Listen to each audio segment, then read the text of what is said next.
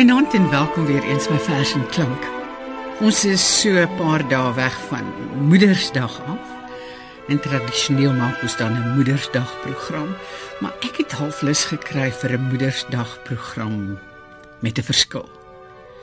Dat ons nie die klassieke goede nie behalwe hier en daar ene, maar dat ons 'n paar vreemde verse doen en ook 'n paar verse waarin die moeder dalk nie so goedgesind is nie. Maar ons gaan begin met een van Jan F. Eselje se verse uh met die titel Ma en Pikkie.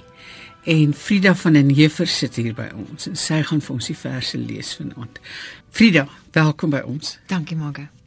Gaan jy vir ons Ma en Pikkie lees? Ja. Hm.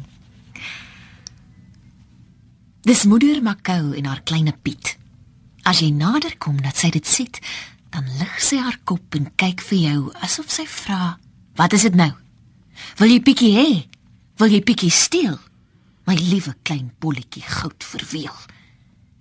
En sy sê met haar omdraai, al skuddend haar stert: "Nee, die hele wêreld is pikkie nie werd. Kom ons loop." En hy volg haar in trippeldraf klein op sy sagte voetjies van geel satijn. As sy waak, sit hy slaap onbewus van haar angs, of hy trippel rond op 'n goggetjiesvangs. Pik mis en te laat na 'n mooitjie wat vlug en struikel onhandig en val op sy rug. Die wêreld daar buite mag staan of mag val. Ons erf is vir Pikkie en Ma die heelal. Want Ma het vir Pikkie en Piet het vir Ma. Daar's niks wat hul meer van hul daggie vra. Dan totdat hul daggie word opgesê net liefde net liefde is dit nie die mooiste gedig oor 'n ma en haar verhouding met haar kind nie. Dis pragtig. Die makou en haar pikkie. Maar nou gaan ons na iets meer ernstig toe. Ina Rousseau se gedig die huisvrou. Kan ek voor ons hierdie vers lees 'n kort storie vertel Jare gelede het ek 'n wonderlike predikant gehad. En op Moedersdag, die Sondag van Moedersdag, sit teen die einde van die diens, storm sy vrou vorentoe, fluister iets in sy oor, draai om, hoogs vererg, storm terug na haar stoel toe en gaan sit. En hy sê toe, hy is nou net sleg gesê omdat hy vergeet dit is Moedersdag. En hy het nie regtig vergeet nie, sê hy. Maar as hy dan nou moet iets doen oor Moedersdag, dan wil hy graag dat ons hierdie dag sal wy aan alle vrouens wat graag moeders sou wou wees, maar nie kan wees nie. En miskien is dit wat ek ook met my Moedersdag wil doen. Dink aan my susters daar buite wat graag kinders sou wou gehad het, maar dit nie het nie. Kom ons lees Ina Rousseau se Die huisvrou. Die huisvrou loop deur die tuin met haar skêr. Die lemme blits en knip. Dan dra sy die drag damaskusrose na die spoelkombuis waar sy die broos rafelpunte van die stengels kneus. Die vaatbundels tretter en versteur en alles in 'n erdebeker skik tussen spykers ingedruk, geruk uit hul vertroude lig en landskap, worteloos, die vloei van hulle sap belemmer, kwyn hulle weg in ballingskap. Sy neem die heel blomkoolkop. Haar mes gly deur die parenchym van stronk, blomaggregaat en steel. Sy dissekteer die weefsel, verdeel die wit verwikkelde infloressensie in dwergboompies waarmee sy speel 'n oomblik lank half in gedagte voor sy die lewe in hul blus met water van 100 grade Celsius. Sy neem die vis en kap sy stert af. Smak dit op die droogplank neer. 'n fyn geribde silwer waaiertjie. Dan kap haar kapmes die kop af en krap dit op sy kri afvalstof. Die dooie oog is soos 'n muntstuk dof. Sy blik bly strak op haar gerig vanuit die koue blad aluminium gesig. Sy neem die hartjie van die lammertjie en kloof dit oop. Linker en regter hartkamers lê voor haar oog ontbloot, weerloos en onteer. Haar lem stoot teen tussenwande waar die slagaar bloed nog lig en dun soos rooi ink klewe.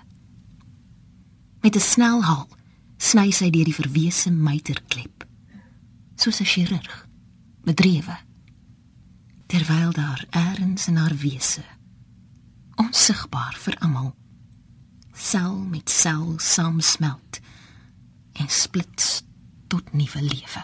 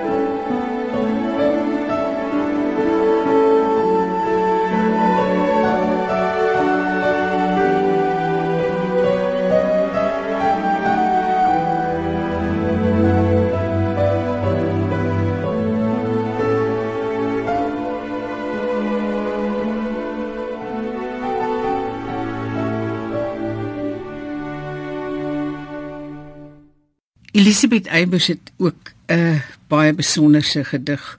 Trouwens sy het 'n hele paar besonderse gedigte vir moeders, onder andere vir die moeder van Christus geskryf. En hierdie een, elke keer wat ons hom lees, wanneer dit kom by die vreemde oorsprong van jou lewe het soos lig deur 'n kristal deur my gevloei kan ek nie help nie, maar ek hoor ook in die agtergrond Opperman se nege sterre stedelig. Maar Frieda gaan vir ons die moeder lees van Elisabeth Eybers. Die vreemde oorsprong van jou lewe het soos lig deur 'n kristal deur my gevloei in al die maande toe ek een was met die stil geheim van jou verborgde groei. En nou kan niks ons skei want is jy nie afhanklik en gebonde aan my bloed wat met sy onbegryplike chemie jou wonderlik gevorm het en gevoed? En of die uur ver en vergete word en of die jare tussen jou en my hul seile span die see sy golwe stort of selfs die dood sy somber baken steek nogtans sal jy aan my gebonde bly met die onsigbare naaldstring wat nie breek. Dis 'n baie besonderse gedig hierdie. In die vorige gedig was die moeder die spreker. Ons gaan nou na P.J. Philander se gedig Grafsteen op Caledon toe waar die seun dan die spreker word vir sy moeder. Langs haar bed was altyd 'n krag vol water uit die warm bron nou aan die kop en end van haar graf. Kyk 'n engel yskoud uit die hoogte af. Haar hande onder die serk lê doodstil sonder rekelwerk. En in plaas van 'n son wat inskyn deur haar slaapkamer se kantgordyn, hou die granietengel wag met vlerke wyd oop en gespikkel soos 'n koekoek waaronder kykend skuilings soek.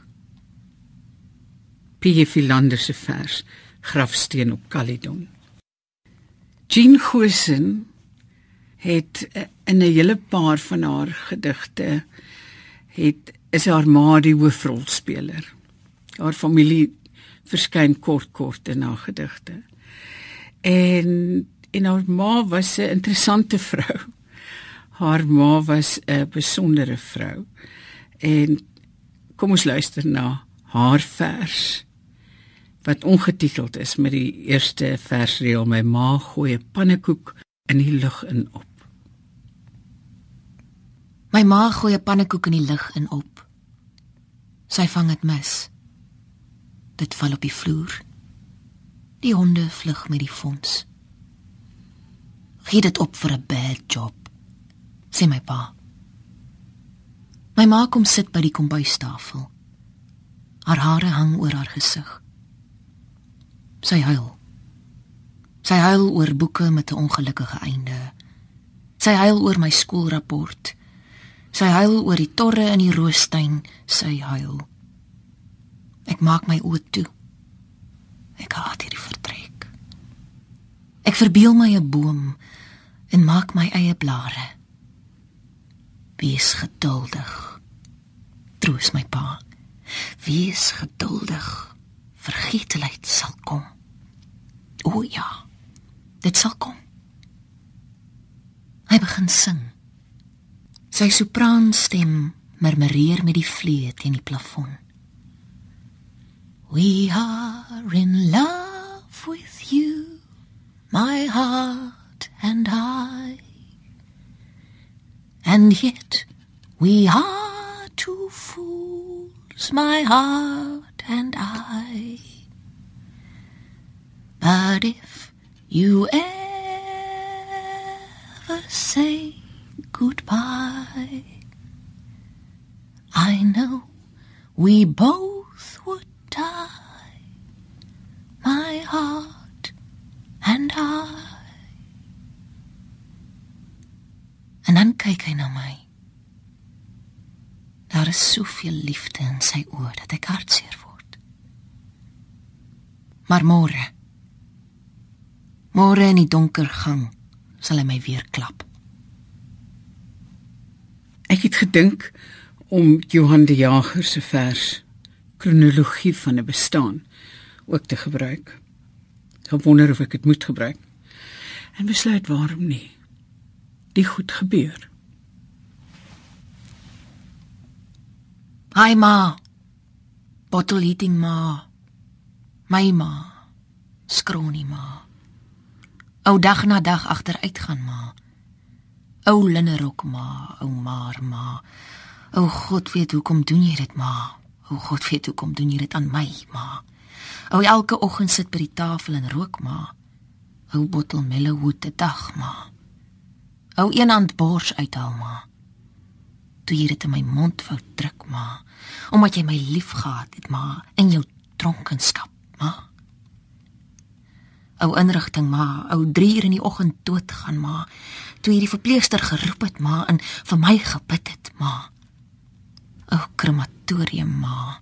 O as in die wind, o alles verby. Haai ma.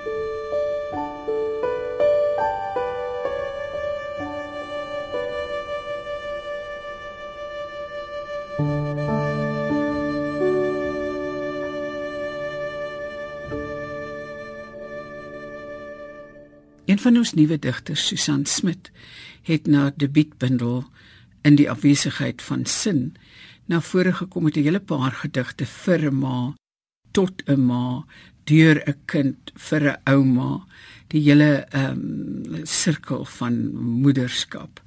En dis dis baie aangrypend en ek wil graag dat ons daarna luister. Ons gaan begin met een wat sy noem patroon. Mamma, jy brei in mossteek en kabels vir my 'n arantrei. Steek vir steek trek die drade ons hegter bymekaar. So met die woldraad om pinkie en wysvinger gehaak. Brei jy stories en familievertelle uit die voortye los. Regs en afregs, alternatiefelik en eindig altyd weer die laaste steek regs herhaal die ry, mossteek en wanneer jy 3 steke op 'n derde naald glip en die volgende 3 regs brei, dan die derde naald se 3 regs bo die ander brei begin 'n kabel vorm kry. Hou vir 6 rye by die vaste patroon en glip dan weer soos hierbo aangetoon.